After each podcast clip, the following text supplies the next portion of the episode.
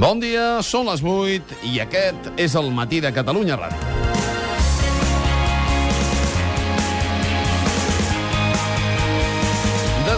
Mesos de referències mútues, ahir Rajoy i Aznar tornaven a fer una aparició pública. Era una trobada còmoda al terreny d'Aznar, però esperada per Rajoy per respondre públicament a les crítiques rebudes per l'expresident del govern.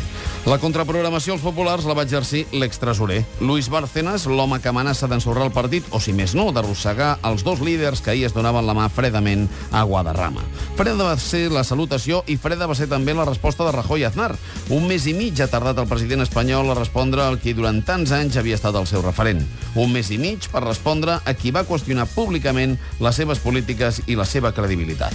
Quedan todavía dos años y medio para el final de la legislatura y los balances se hacen cuando hay que hacerlos.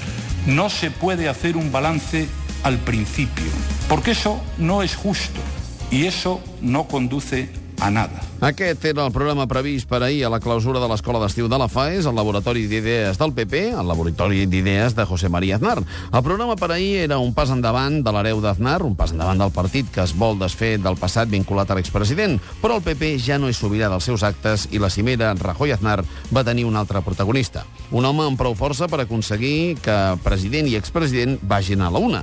Gairebé l'únic tema en què Rajoy i Aznar es faran costat. Un home amb prou força per fer trontollar el que històricament ha estat el partit més sòlid d'Espanya, una formació que tradicionalment no ha tingut fissures públiques, que ha cuinat les discrepàncies de forma interna. Doncs tot això s'ha acabat perquè ni Aznar ni Rajoy poden controlar el que des de fa 11 dies dorm a la presó de Soto del Real.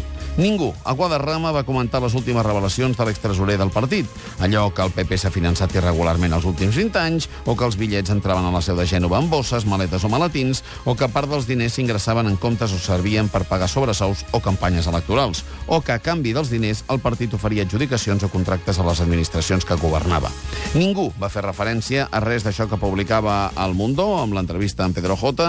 Ningú va tornar a citar el seu nom, però Bárcenas va ser ahir a Guadarrama, fins i tot amb més força que si hagués estat presencialment. I les temences dels populars es comencen a concretar.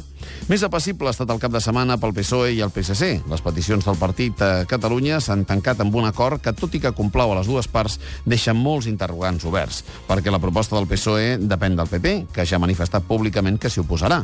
Una proposta d'estat federal que passa per modificar la Constitució.